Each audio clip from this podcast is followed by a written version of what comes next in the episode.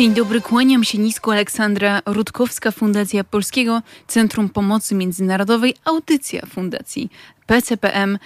Dziś o największym kryzysie humanitarnym XXI wieku. O państwie, w którym mieszka 29 milionów ludzi, z których aż 24 potrzebuje pomocy, o bieżącej sytuacji w Jemenie, o źródłach i konsekwencjach e, rozmawiamy z Barbarą Krzewińską z Uniwersytetu Śląskiego. To dzisiejsza nasza gościni. Dzień dobry Pani Barbaro. Dzień dobry, witam Państwa bardzo serdecznie. Bardzo dziękuję za przyjęcie zaproszenia. Mm, I od razu zacznijmy. Mm, jak dziś wygląda sytuacja humanitarna przede wszystkim w Jemenie? Tak jak pani wspomniała, 24 miliony osób z 29, czyli około 80%, potrzebuje y, pomocy humanitarnej. 20 y, y, milionów ludzi jest zagrożona głodem. 7,5 miliona Jemeńczyków nie wie, kiedy, kiedy będzie ich następny posiłek. Większość ludzi głodujących żywi się papką z krzewów, która choć w normalnych warunkach jest niejadalna, to jednak w tej tragicznej sytuacji mm, pomaga oszukiwać głód. Mm, jakby. Poza tym mamy do czynienia z epidemiami e, różnych chorób, e, między innymi cholery, e, gorączki denga, także koronawirusa oczywiście.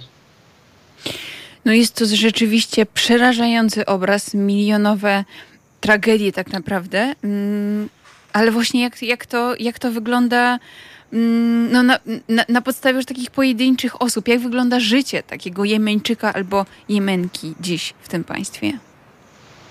To znaczy, y, wie pani, jak to życie y, wygląda? Przede wszystkim y, jest to życie w ciągłym poczuciu zagrożenia, w ciągłym strachu, tak? Y, w Jemenie mamy około 3,5 miliona uchodźców wewnętrznych, co oznacza, że y, no, znaczna, znaczna część ludności musi dokonywać e, zmiany miejsca, miejsca zamieszkania. Ci ludzie po prostu uciekają przed działaniami wojennymi, przed wojną, przed, y, przed zagrożeniem, tak?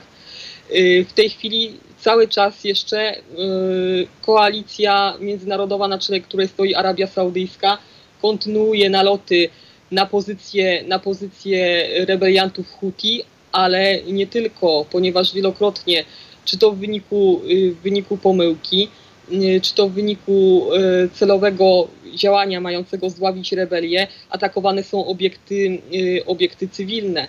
40% gospodarstw domowych utraciło swoje źródło dochodów. W Jemenie mamy do czynienia też w tej chwili z galopującą inflacją. Yy, tak więc no, praktycznie nie ma komu kupować i czego kupować. Ten cały jakby rynek yy, produktów i usług załamał się po prostu w tym momencie. E, pani Barbaro, jak do tego doszło? Że mówimy o tak naprawdę radykalnie trudnej sytuacji, chyba nieporównywalnej z żadnym państwem na świecie. E, Jemen był zawsze jednym z najbardziej e, ubogich e, państw na, na Bliskim Wschodzie. Mm, niemniej jednak, jeśli chodzi o źródła tego kryzysu, no to trzeba tutaj, mm, tutaj sięgnąć do, do lat wcześniejszych. Trzeba w ogóle powiedzieć, między, między jakimi aktorami ten konflikt się toczy. Z jednej strony mamy koalicję międzynarodową pod przywództwem Arabii Saudyjskiej. Ta koalicja oprócz Arabii, oprócz Arabii Saudyjskiej w skład tej koalicji wchodzi Katar, y, Kuwait, Bahrain, Zjednoczone Emiraty Arabskie. Z drugiej strony mamy wspieranych przez Iran rebeliantów Huti. Huti to Zajdyci. Zajdyzm to jeden z odłamów szyizmu. Na początku ruch Huti był, że tak powiem, ruchem lokalnym, który się sprzeciwiał właśnie marginalizacji regionu Sada bo tam zajdytów rzeczywiście jest najwięcej, mm, a także dyskryminacji politycznej i społecznej y, zajdytów. Natomiast y, bardzo zyskał na znaczeniu w czasie arabskiej wiosny, kiedy to ostatecznie doszło do ustąpienia Alego Abdullaha Saleha ze stanowiska prezydenta. rebelianci Huti po, po tym kryzysie władzy zaczęli, że tak powiem, nawiązywać kontakt z aktywistami i ruchami młodzieżowymi. Wykorzystali rosnące niezadowolenie społeczeństwa związane z reformami ekonomicznymi, ze zniesieniem dopłat paliwowych przez Abdrabucha Mansura Hadiego. No i wtedy zaczęło dochodzić do starć między y, zwolennikami Huti, a zwolennikami dotychczasowych władz, władz y, y, sunnickich. Mm, rebelianci Huti szybko, że tak powiem, poszerzyli swój, swój krąg działania, ten zakres terytorialny. Mm, w marcu 2014 roku przejęli kontrolę nad, nad Saną. E, później, później zajęli także e, Aden, więc bardzo szybko to poszło. Bardzo szybko to, to poszło, mówi pani, i ostatecznie, mm, jak, do, jak mówimy o danych państwach, rzeczywiście ta ludność cywilna najbardziej e, odczuwa te wszelkie zmiany, które na, na płaszczyznach władzy się odbywają. Powiedzmy, może ustrój polityczny Jemenu to republika. Tak, prezydent, mhm, prezydent wybierany jest w głosowaniu siedmioletnia kadencja e, tam jest e, mm, chyba, e, proszę mnie poprawić, e, mm, trwająca. Jak na, na płaszczyźnie politycznej wygląda teraz e, ta, ta sytuacja w Jemenie? To znaczy tutaj też trzeba się odwołać do, y, do lat wcześniejszych. Abd Rabbuh Mansur Hadi został wybrany na prezydenta w lutym 2012 roku. Był on jedynym kandydatem w tych mhm. wyborach, więc to było oczywiste i z góry, z góry do przewidzenia, że, y, że wygra. Y, zdobył 99% y, głosów. No i kiedy ta rebelia Huti, o, że tak powiem, zaczęła się rozwijać, no to on w styczniu 2014 roku podał się do dymisji. I już, już w następnym miesiącu Huti rozwiązali parlament i ogłosili y, przejęcie władzy. E, po czym y, dwa tygodnie później Abd Rabbuh Mansur Hadi wycofał się z tej decyzji, stwierdził, że on dalej jest y, urzędującym prezydentem. I udał się do Adenu, który ogłosił tymczasową stolicą ponieważ rebelianci Huti konsekwentnie zdobywali kolejne terytoria, y, w końcu zajęli, tak jak wcześniej wspomniałam, również Aden. Stąd y, Mansur Hadi udał się y, do Arabii Saudyjskiej, gdzie poprosił o pomoc wojskową, o interwencję w swoim kraju, Radę, Radę Współpracy Państw Zatoki Perskiej. No i rzeczywiście 25 marca 2015 roku E, koalicja, na czele której e, stoi Arabia Saudyjska, rozpoczęła operację e, o nazwie Decisive Storm. Mm, była to operacja, która polegała na nalotach z powietrza na pozycję, na pozycję Huti. Jednak no, bardzo szybko okazało się, że wyeliminowanie rebeliantów nie będzie, nie będzie tak proste, jak się wydawało, ponieważ no, oni doskonale znają środowisko, w którym operują, Y, wykorzystują to środowisko naturalne, góry, mhm. świetnie się ukrywają i nie jest, nie jest łatwo ich namierzyć. Właśnie, bo ten e, krajobraz to jest przede wszystkim, e, to są przede wszystkim góry, chociaż mm, mówimy tam jest tam nizina Tihama, jeśli, jeśli, jeśli też dobrze, e, dobrze, e, dobrze pamiętam, ale mm, góry są, rozumiem, taką płaszczyzną do mm, do posiadania przewagi e, w tej, tej, tej walce. Mm, a co musiałoby się wydarzyć, żeby ta sytuacja e, Pani zdaniem e, jakkolwiek, no nie, bo na razie mówimy o tym, że ona pod kątem humanitarnym tylko się pogarsza i pogarsza się z roku na tak. rok. Co musiałoby się stać, żeby to się zatrzymało w jakiejś mierze? Tutaj jest tylko jedno rozwiązanie, które będzie niestety bardzo trudno wdrożyć w życie, a mianowicie zakończenie, zakończenie tego konfliktu.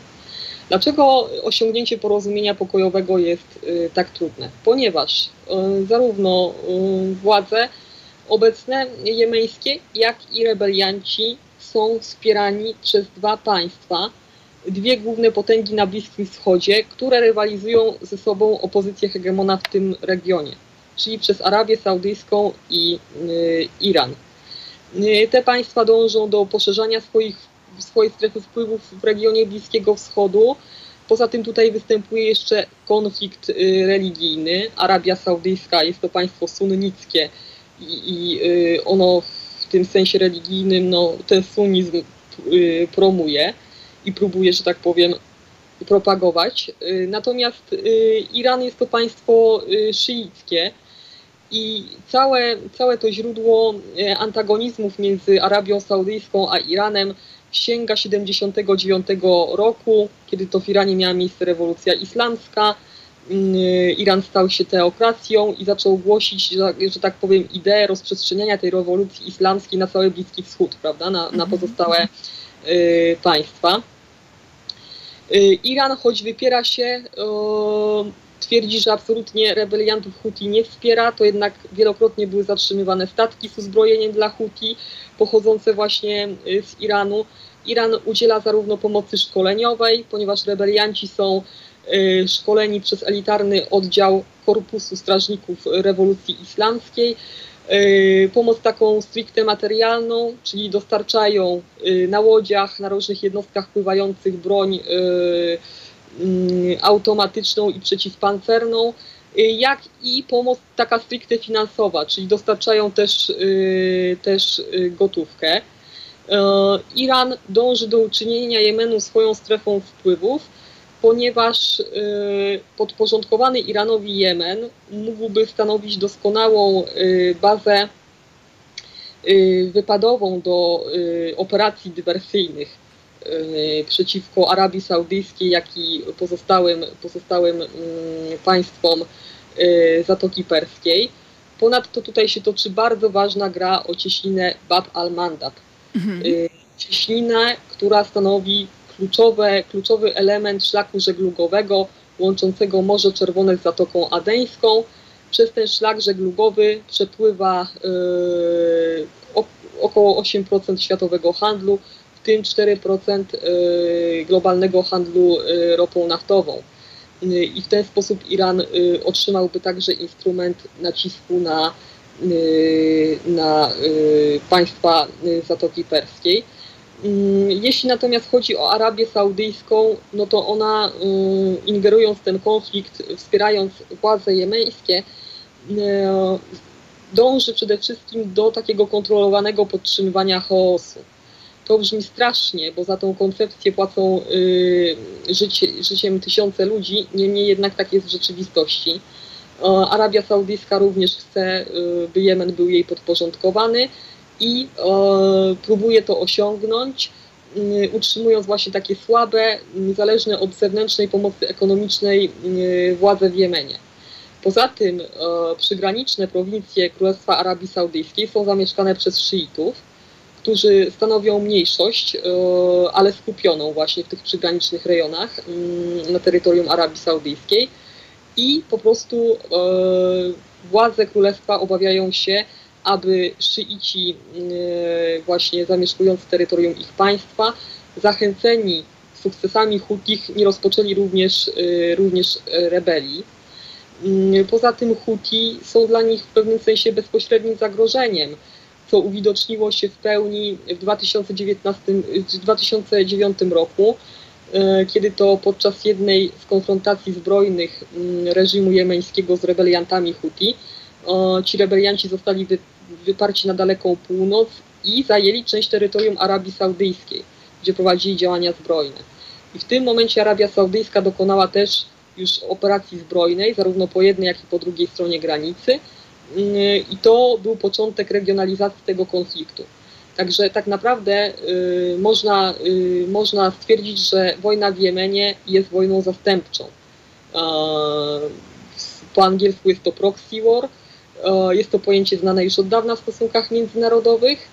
Mm, proxy war to jest po prostu taka metoda konfrontacji między mocarstwami, które nie chcą bezpośrednio walczyć ze sobą zbrojnie i poprzez wspieranie aktorów e, zastępczych e, próbują realizować swoje cele, przy tym minimalizując ryzyko i straty, a próbując maksymalizować zyski. Czyli tak jakby mm, można w jakiejś mierze porównać to do tego, co mm, dzieje się w Syrii, czyli tej najkrwawszej wojny stulecia. Dokładnie, y, jak najbardziej. Zresztą tutaj y, należy zauważyć, że tym momentem, y, w którym Bliski Wschód zaczął płonąć, była właśnie arabska wiosna z 2011 roku. Kiedy mówi się o arabskiej wiośnie, najczęściej mówi się o niej w kontekście właśnie Syrii, Libii, Tunezji czy Egiptu. Natomiast tak naprawdę ona miała miejsce w wielu innych państwach na Bliskim Wschodzie. Między innymi w Jemenie, między innymi w Bahrajnie. Nie wszędzie te, y, te protesty zakończyły się y, zmianą władzy, y, czy też jakimiś reformami ustrojowymi. Natomiast wtedy zapalił się tak naprawdę cały Bliski Wschód. E, I rzeczywiście ten Jemen i w świadomości e, mm, takiej szerszej jest, jest, jest niewidoczny, jest gdzieś tam pomijany. E, z tego też, co, mm, co możemy słyszeć, e, mm, Jemen też jest po prostu niejako polem walki dla, dla tych państw i tak jakby nawet nie mówimy o państwowości, e, nie mówimy o państwie, tylko mówimy o tak naprawdę jakimś geograficznym obszarze, którym tak naprawdę większość obywateli i obywatelek e, potrzebuje nagłej pomocy, bo, bo to się stało areną przemocy dla innych państw. Y, jak najbardziej. Ponadto trzeba tu zwrócić uwagę na jeszcze jeden istotny czynnik. Jemen jest państwem o strukturze klanowo-plemiennej. Co to oznacza? Najprościej można to ująć w ten sposób, że Jemeńczycy nie identyfikują się jako obywatele Jemenu, tylko jako członkowie danego klanu czy y, plemienia. Y, te klany, te plemienia ze sobą niejednokrotnie rywalizują. Y, dostęp do władzy, do stanowisk publicznych stanowi, stanowi dla nich jakby możliwość realizacji swoich interesów i zapewnienia sobie zaspokojenia różnych potrzeb, także, także tych materialnych. Władza centralna w Jemenie zawsze, zawsze była słaba. I to zarówno w tym okresie, kiedy mieliśmy do czynienia z podziałem na Jemen północny i południowy, czyli jeszcze przed 90 rokiem, i zarówno już po, po zjednoczeniu, tak, które się dokonało w maju 1990 roku. Władza centralna miała wpływ jedynie na sytuację w największych miastach. Natomiast na odległych terenach, w jakichś wioskach y, nie, obej, nie obowiązywało prawo państwowe, tylko jakby tradycje, pewne y, reguły, normy tego życia klanowo-plemiennego, tak? I, I tutaj władza nie miała nic do powiedzenia tak naprawdę. Mm, pani Barbaro, mówimy o tym. Mm, rzeczywiście skomplikowana jest ta, to, to sytuacja. Ja się zastanawiam jeszcze nad, e, nad tym rozwiązaniem, bo rzeczywiście z tego, co, mm, co powiedziałyśmy, każdy e, z aktorów Mm, ma tutaj e, swoje mm, cele. Niczyim celem nie jest chyba ochrona ludności cywilnej. To, co jakby w jaki sposób, trudno tutaj dostrzegać rzeczywiście nadzieję w takim politycznym znalezieniu porozumienia, no ale co, może, co możemy zrobić, żeby rzeczywiście pomóc przede wszystkim tym 24 milionom ludzi? Bo taka pomoc, która dociera humanitarna i tak niewystarczająca, i to alarmują organizacje międzynarodowe, e, to, to jest tak jakby przyklejanie plastra na, na krwawiącą tętnicę. Oczywiście, że tak. E, tutaj, tutaj mm, trzeba spojrzeć też na tę sytuację, wie Pani, w szerszym y, aspekcie na to, kto jest kim na arenie międzynarodowej. E, Arabia Saudyjska jest bliskim sojusznikiem mm, Stanów Zjednoczonych na Bliskim Wschodzie. I przede wszystkim no, Stany Zjednoczone od początku wspierały tą interwencję y, militarną y, w Jemenie, stały po stronie Arabii Saudyjskiej. E, niestety, e, między innymi państwa europejskie, takie jak Wielka Brytania, dostarczały Arabii Saudyjskiej niegdyś amunicji kasetowej, która była wykorzystywana i jest zapewne w dalszym ciągu w Jemenie. Te bomby kasetowe, no one są e, szczególnym przekleństwem dla ludności cywilnej, ponieważ one, że tak powiem, rozpadają się na, e, na wiele takich malutkich odłamków, kawałeczków, które jednak posiadają ogromny zasięg, tak? I, i niejednokrotnie y, ludność cywilna Y, cierpi, y, cierpi, odnosi rany bądź, bądź nawet umiera w wyniku w wyniku ich działania. Tutaj będzie bardzo trudno zrobić cokolwiek. Pewną mhm. nadzieją są słowa obecnego prezydenta Stanów Zjednoczonych Bidena, który zapowiedział wstrzymanie sprzedaży broni Riyadowi po to właśnie, żeby, żeby nie nakręcać dalej tego konfliktu. Ponadto mm, Y, nowy sekretarz stanu Stanów Zjednoczonych zapowiedział w lutym właśnie tego roku skreślenie Hutich z listy organizacji terrorystycznych. Natomiast no to, jest, to jest za mało, żeby, żeby tutaj uzyskać przełom. Trzeba tutaj w tym kontekście zwrócić też uwagę na taką bardzo konfrontacyjną politykę pro, prowadzoną przez Stany Zjednoczone w okresie prezydentury y, Donalda Trumpa. Donald Trump y, prowadził szczególnie, szczególnie taką y, konfrontacyjną, prowokującą politykę wobec Iranu. I to właśnie jeszcze na krótko przed, przed objęciem władzy przez Bidena w styczniu 2021 roku Mike Pompeo wprowadził właśnie Hutich na, y, na listę organizacji y, terrorystycznych. E, stąd też no, y, wiadomo, że Iran, e, doświadczając takiej, a nie innej e, polityki ze strony Stanów Zjednoczonych, radykalizował się i tym bardziej wspierał Hutich, jako że Huti też bardzo się zradykalizowali po inwazji na Irak amerykańskiej w 2003 roku. Oni wtedy przejęli od Iranu tą taką antyizraelską i antyamerykańską y, retorykę, tak? Śmierć Żydom, śmierć Izraelowi, śmierć Ameryce. Y, uważali w ogóle, że y, ataki terrorystyczne z września 2001 roku zostały tak naprawdę przeprowadzone y, nie przez islamskich terrorystów, tylko przez Stany Zjednoczone i Izrael, że zostały one zaaranżowane po to, by dokonać inwazji na te e, święte ziemie islamu. Tutaj po prostu największe państwa, e, mocarstwa musiałyby e, chcieć odpuścić, a na to, a na to się niestety nie zapowiada w tym momencie. Istotnym problemem w Jemenie jest też no, infrastruktura. Infrastruktura, która w znacznej mierze została zniszczona w wyniku działań wojennych. Y, drogi w Jemenie nigdy nie były, delikatnie rzecz ujmując, w najlepszym stanie, a jeszcze zostały zniszczone właśnie w wyniku działań y, wojennych. Y, porty nie działają. Część portów nie działa morskich, nie działa port lotniczy też w Sanie. W ostatnim czasie Arabia Saudyjska złożyła propozycję zawieszenia broni oraz uruchomienia właśnie portu lotniczego w Sanie, prawda, odblokowania tego portu morskiego w Al-Hudajdzie, który ma kluczowe znaczenie dla dostarczania pomocy humanitarnej. E, niemniej jednak e, Huti podeszli niechętnie do tej propozycji, dlatego że jest to propozycja złożona przez ich wroga, tak?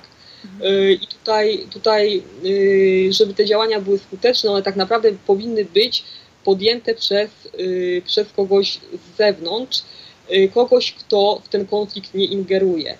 Y, tutaj szczególnie cenne, cenne są mediacje Omanu moim zdaniem, ponieważ Oman był jedynym państwem y, z tej organizacji Rady Współpracy Państw Zatoki Perskiej, które no, nie wzięło udziału. Nie wzięło udziału w tej, w tej operacji decyzji Storm, która się rozpoczęła w 2015 roku. Pani Barbaro, zatem Oman jest takim, jest takim punktem, taką, taką iskrą w tym bardzo ponurym obrazie, o którym, e, którym, którym rozmawiamy. Mm, ale też, jak rozumiem, iskrą bardzo niepewną i wątłą. Tak, jak najbardziej. Tutaj w ogóle y, problemy, y, problemy będą duże z osiągnięciem jakiegokolwiek porozumienia ponieważ my mamy do czynienia y, nie tylko z rebelią y, Hutich w Jemenie przecież, y, bo mamy też do czynienia z secesjonistami z południa, prawda? Tak jak wspominałem już wcześniej, Jemen był bardzo długo podzielony na tą część północną i południową. No i kiedy doszło do jego zjednoczenia, to na czele Jemenu stanął polityk wywodzący się z północy Ali Abdullah Saleh, który już od 1978 roku był y, prezydentem y, Jemenu Północnego. No i oczywiście to się nie mogło spodobać secesjonistom z południa, którzy zauważyli, że tak naprawdę politykę, życie publiczne zdominowały klany plemienia północne. Mamy do czynienia też z ruchem Al-Hirak, który reprezentuje właśnie tych secesjonistów z południa. On został utworzony w 2007 roku. Na początku domagał się takie miał zupełnie normalne postulaty, czyli sprawiedliwe zatrudnienie, równy dostęp do stanowisk publicznych, większa autonomia dla regionów południowych, więc można by, by rzec, patrząc na historię Jemenu, że to nic, nic złego, tak? Roszczenia dotyczące autonomii są, są naturalne w tym kontekście. Niemniej jednak już od 2009 roku mówili wprost o tym, że pragną utworzyć niezależną, niezależną administrację w Adenie i oddzielić się od północy. Ci secesjoniści z południa, oni coraz bardziej dochodzą do głosu w Jemenie, choć mało się o tym mówi. Głównie się koncentruje uwagę na rebeliantach Huti. Mhm. Też wiadomo dlaczego, bo Huti posiadają możliwości dokonywania ataków na terytorium Arabii Saudyjskiej. Oni już to nieraz pokazali, może i bezskutecznie, ale atakowali Y, że tak powiem, infrastrukturę naftową znajdującą się na terenie królestwa. Y, stąd też o tym mówi się najwięcej. Natomiast secesjoniści z południa, oni już y, w styczniu 2018 roku opanowali Aden i, i że tak powiem, te tendencje separatystyczne bardzo, bardzo się umocniły, ujrzały w pełni światło dzienne. No i rzeczywiście władze Jemenu zostały zmuszone tą taką polityką faktów dokonanych do, mm, do negocjacji z tą tymczasową Radą Południa. I rzeczywiście w listopadzie 2019 roku za pośrednictwem też e, Arabii Saudyjskiej zostało wypracowane e, porozumienie, na mocy którego e, przedstawiciele separatystów mieli mm, wejść do rządu jemeńskiego i mieli swoje własne siły zbrojne podporządkować temuż właśnie rządowi, takiemu rządowi jakby porozumienia narodowego, tak? Można by tak to określić. Y, niemniej jednak w kwietniu 2020 roku ta tymczasowa Rada Południa wycofała się z tego porozumienia, zerwała je i w tej chwili też robi, robi wszystko, utworzyła swoją niezależną administrację, robi wszystko, żeby uzyskać tą samodzielność. Także ten Jemen tak naprawdę nam się po prostu rozpada. Władza centralna nie jest w stanie tych, tych poszczególnych regionów kraju, poszczególnych elementów układanki ze sobą, ze sobą połączyć i to jest prawdziwy problem. No właśnie zastanawiam się, bo mówimy o tym, że ta sytuacja jest tak naprawdę katastrofalna, bo dotyka, 8, tak jak powiedziała pani, 80% ponad. Ja cały czas gdzieś tam wracam e, ostatecznie do, do ludności cywilnej, do obywateli i obywatele tego kraju. Mm, ale z tego, co, mm, co, co słyszymy, co słyszę, ta, ta sytuacja będzie się tylko pogarszać, to znaczy ten, to, to rzeczywiście mm, zdecentralizowanie może jeszcze silniej wpływać na, na sytuację ludności cywilnej? Czy jest już tak źle, że po prostu trudno mówić o tym, żeby ta sytuacja jeszcze się pogorszyła?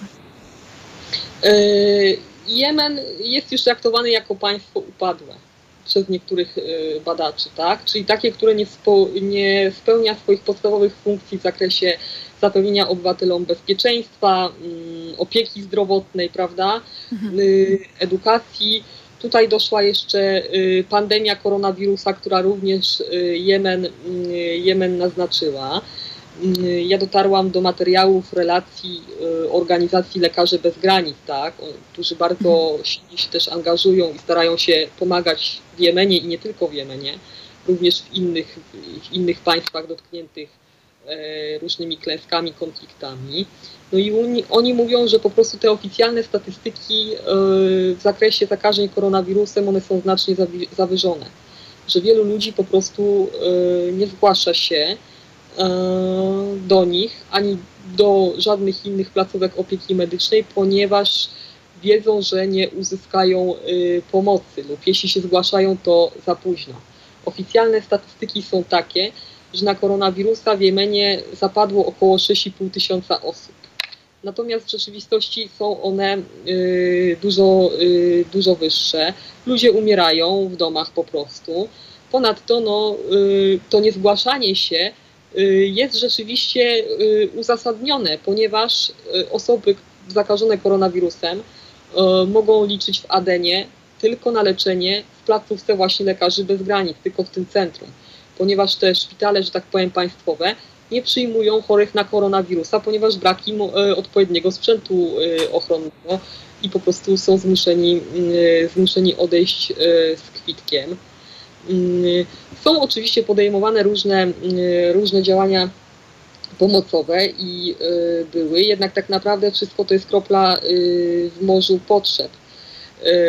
To Arabia Saudyjska podczas interwencji z 2015 roku zapoczątkowała jakby blokadę Y, blokadę Jemenu, która została jeszcze wzmocniona właśnie wpisaniem przez Stany Zjednoczone na listę organizacji terrorystycznych. I na tym wszystkim właśnie y, cierpi y, ludność cywilna. Na pewno nie bez wpływu pozostaje to, co trzeba podkreślić, że wszystkie strony konfliktu nie przestrzegają międzynarodowego prawa humanitarnego, tak? Atakują obiekty cywilne, zabijają cywili, traktują ich y, wielokrotnie jako y, żywe tarcze. Tutaj zwłaszcza do rebeliantów Huti się to, y, się to odnosi i nikt po prostu się z tymi, z tymi postanowieniami, różnymi regulacjami nie liczy. Po prostu tutaj chodzi bezwzględnie o to, żeby zwyciężyć, tak? Tutaj obowiązuje zasada zwycięzca bierze wszystko i te Y, strony konfliktu są gotowe właśnie na wszystko, żeby, y, żeby zrealizować y, swoje, swoje własne cele. E, Pani Barbara, no właśnie, ponad 6 tysięcy, mm, tak jak powiedziała e, Pani, oprócz tej e, przerażającej przemocy w rozumieniu dosłownym jest ta, ta przemoc cicha, przemoc, która polega na tym, że po prostu mm, mieszkańcy nie mają szansy skorzystać z opieki medycznej. Te ponad 6 tysięcy przypadków, no brzmi rzeczywiście abstrakcyjnie, to jest tysiąc, chyba 200 E, zgonów łącznie w całym, całym prawie 30-milionowym państwie. Trudno jest tym statystykom rzeczywiście wierzyć, a obok tego jeszcze zaczyna się pora deszczowa e, i już dotknęła set, e, kilkadziesiąt tysięcy ludzi, a zagraża milionom. Czyli ta, też te warunki mm, klimatyczne w tej części świata absolutnie nie ułatwiają, nie ułatwiają i tak fatalnej sytuacji. Tak, jak najbardziej. E, w porze deszczowej może oczywiście dojść do powodzi, do podtopień, często tak się dzieje. Ponadto ta zmiana warunków atmosferycznych, no ona często wpływa na to, że te różne drobnoustroje się jeszcze bardziej namnażają i, e, i będzie jeszcze większa liczba chorych. Należy wspomnieć, z czym się w ogóle boryka oprócz koronawirusa Jemen i to już od 2016 roku e, z epidemią cholery. O tym trzeba pamiętać tej epidemii nie da się, mm, nie da się y, w skuteczny sposób y, zwalczyć, ponieważ Jemeńczycy nie mają dostępu do, y, do czystej wody mm, pitnej. Nie mogą, nie mogą korzystać z czystej wody. Są zmuszeni do, do gotowania, do mycia się w brudnej wodzie, do spożywania zanieczyszczonych pokarmów tak naprawdę y, woda kosztuje, kosztuje majątek. Niewielu może sobie pozwolić na to, żeby kupić jakąś, mm, jakąś cysternę, prawda, i, i y, wykorzystać ją. Mm, I tak naprawdę, co o tym mówią same międzynarodowe organizacje pomocowe, problemem nie są nawet jakieś nawyki czy brak świadomości w zakresie dbania o zdrowie Jemeńczyków, tak? bo oni y, rozumieją podstawowe zasady higieny, chcą je stosować, natomiast nie mają, nie mają takiej możliwości. Mm, nie mają tego podstawowego dobra, jakim jest y, czysta woda, więc y, ta cholera, ona wciąż będzie się y, panoszyć. Mm, na początku czerwca 2018 roku zostały przedstawione przez ekspertów statystyki, z których wynikało, że na cholerę zapadło 775 tysięcy Jemeńczyków, a ta liczba będzie po prostu, po prostu ciągle rosła. Prawie 800 tysięcy i ta liczba może, może rosnąć. Ta liczba ofiar czy cholery, czy pandemii, e, która jest te oficjalne, jest pewnie odległa od rzeczywistości i jeszcze wielu, wielu innych przypadkowych ofiar tej, tej potwornej, potwornej batalii. Do tego liczne powodzie, które też są ryzykowne i odbierają nie tylko potencjał. No właśnie, jeszcze, jeszcze może, może o to zapytam Pani Barbaro, e, mm, bo powodzie często zabierają jedyne mm, źródło pożywienia dla tych ludzi w postaci pól uprawnych. To czasami są, znaczy trudno pewnie mówić o Jemenie o polach uprawnych, ale zastanawiam się z czego potencjalnie ten mikroprocent te, te, mm, całego społeczeństwa z czego ono może żyć, na czym, e, na czym ono może opierać swoje, e, czy znaczy dbać o swoją minimalną egzystencję. Znaczy, wie Pani, no, ludzie starają się funkcjonować jak najbardziej normalnie, jak to jest y, możliwe w tych warunkach.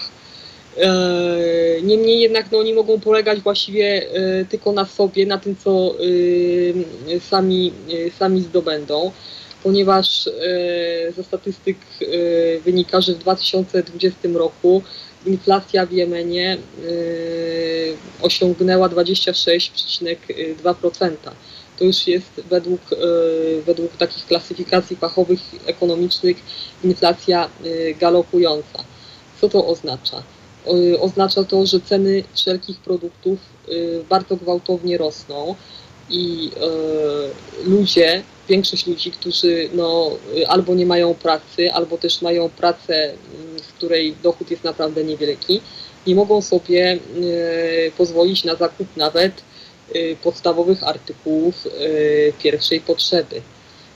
W 2018 roku ceny mm, żywności w Jemenie wzrosły o 55%, czyli od ponad połowę, także można sobie mhm. Wyobrazić, jak ta y, sytuacja tam y, wygląda. Nie mówiąc już o tym, że ta gospodarka się całkowicie y, posypała, w wyniku oczywiście spadku produkcji ropy naftowej i gazu ziemnego, tak? Bo jemeńska gospodarka jest 70% uzależniona od dochodów z sektora naftowego. I tak o ile w 2014 roku dziennie wydobywało się blisko 153 tysiące baryłek ropy naftowej dziennie. O tyle 3 lata później było już to e, tylko 60 tysięcy, nieco ponad 60 tysięcy. Tak więc e, wszystko to odbija się na Jemeńczykach. Ta katastrofa, katastrofalna sytuacja jest jeszcze bardziej widoczna, jeszcze lepiej widoczna, jeśli się popatrzy na y, PKB na głowę jednego mieszkańca z 2019 roku, ono wyniosło niecałe 800 dolarów.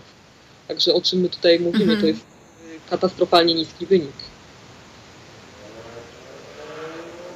800 dolarów. Rzeczywiście jest to, jest to mm, katastrofalny, katastrofalny wynik. I, e, I jak patrzy się na mm, chociażby fakt, że zaspokojenie tych najbardziej palących potrzeb. To jest 4 e, miliardy dolarów, żeby powstrzymać masowy głód, żeby zareagować na falę COVID e, i inne te krytyczne podstawy, mm, problemy. Tylko w tym roku, 2021 roku, tak agencje pomocowe wyceniają, e, ale ten plan reagowania jest w 34% mm, sfinansowany. Ten najbardziej krytyczny. Mm, I zastanawiam się, Pani Barbaro, oprócz tego, co możemy zrobić e, kontekście, no właśnie, państwa upadłego, cały czas musimy pamiętać o tym, że, że tam żyją miliony ludzi, którzy, mm, o których e, nie możemy odwracać uwagi, niezależnie od tego, czy czy, czy, czy, czy, widzimy perspektywy na poziomie geopolityki? Mm, I czy Pani zdaniem cokolwiek e, osoby z zewnątrz, które nas słuchają, które pewnie miały okazję mm, tak blisko pochylić się nad Jemenem e, po raz pierwszy, czy można zrobić cokolwiek na gruncie już jednostek, a nie, nie, nie decyzji mm, wysoko, e, wysoko na, na szczeblach władzy? To znaczy, no, y, wie Pani, są różne organizacje pomocowe, tak, E, które, e, które starają się działać w Jemenie i pomagać ludziom. Są różne, różne że tak powiem, tutaj wysiłki podejmowane innymi przez polską akcję humanitarną.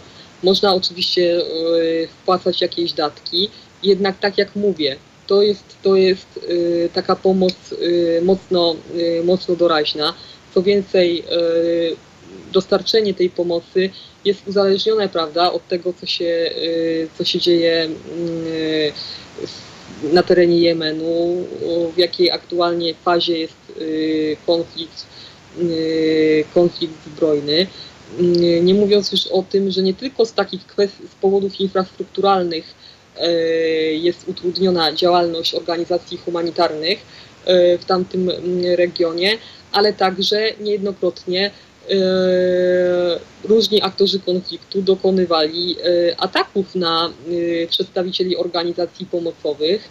Nieraz byli oni czy atakowani, czy ostrzeliwani, brani jako zakładnicy, bądź przez przypadek niesłusznie, niesłusznie aresztowani. Także tym problemem, oprócz tego, że ten konflikt wciąż, wciąż trwa, jest tak naprawdę, są tak naprawdę bardzo, bardzo ograniczone możliwości dostarczania tej, tej pomocy i ta taka no, techniczna, logistyczna, ta bezsilność też jest chyba najbardziej dołująca w tym momencie. E, więc e, przyłączam się do mm, a w zasadzie to, to formułuje apel do tego, żeby wspierać organizacje, polskie organizacje, które starają się na tyle, ile to możliwe mm, w Jemenie pomoc e, nieść. To jest wspomniana Polska Akcja Humanitarna, e, jest to także Caritas, to są organizacje, które mają, e, mm, prowadzą te, mm, prowadzą te misje. W ten sposób możemy pomóc, ale jest to rzeczywiście taka, taka pomoc szalenie istotna, choć wciąż niewystarczająca, żeby zmienić sytuację w tym, tymże miejscu. E, jeszcze na, na sam koniec, tak żebyśmy z tym mm, na tym ponurym obszarze i na tym ponurym obrazie, przepraszam, się nie zatrzymały. Mm, gdyby tak wyobrazić sobie taką sytuację mm, perfekcyjną geopolitycznie, to, to ile potrzeba, żeby Jemen zacząć stawiać na nogi? Nie mówię postawić na nogi, ale zacząć. Y, szczerze Pani powiem, że nie wiem, nie wiem ile by to miało być y, środków finansowych. Tak naprawdę y, tutaj konkretnej kwoty się nie, nie da wyliczyć, po prostu im więcej, tym lepiej. Mhm. Uważam, że Jemen w obecnej chwili jest tak zwaną studnią bez dna. I to nie jest jedyne takie państwo mhm. na świecie, ponieważ jest wiele państw, w których mamy do czynienia z takimi długotrwającymi, można by powiedzieć, taki określić w sposób potoczny, rozgrzebanymi konfliktami.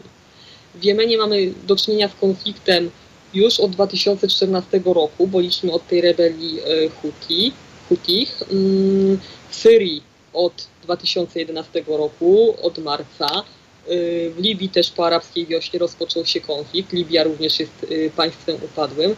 Także tak naprawdę tutaj potrzeba by wysiłków nie tylko w stosunku do Jemenu, ale także, że tak powiem, opracować taki bardziej ogólny plan, plan działania, i pomocy wszystkim państwom, które są rzeczywiście zniszczone przez te y, długo, y, długo y, trwające konflikty, prawda? Tutaj potrzeba by było, żeby się cała społeczność międzynarodowa zjednoczyła w tym, w tym zadaniu, żeby, żeby te, te wysiłki skoordynowała.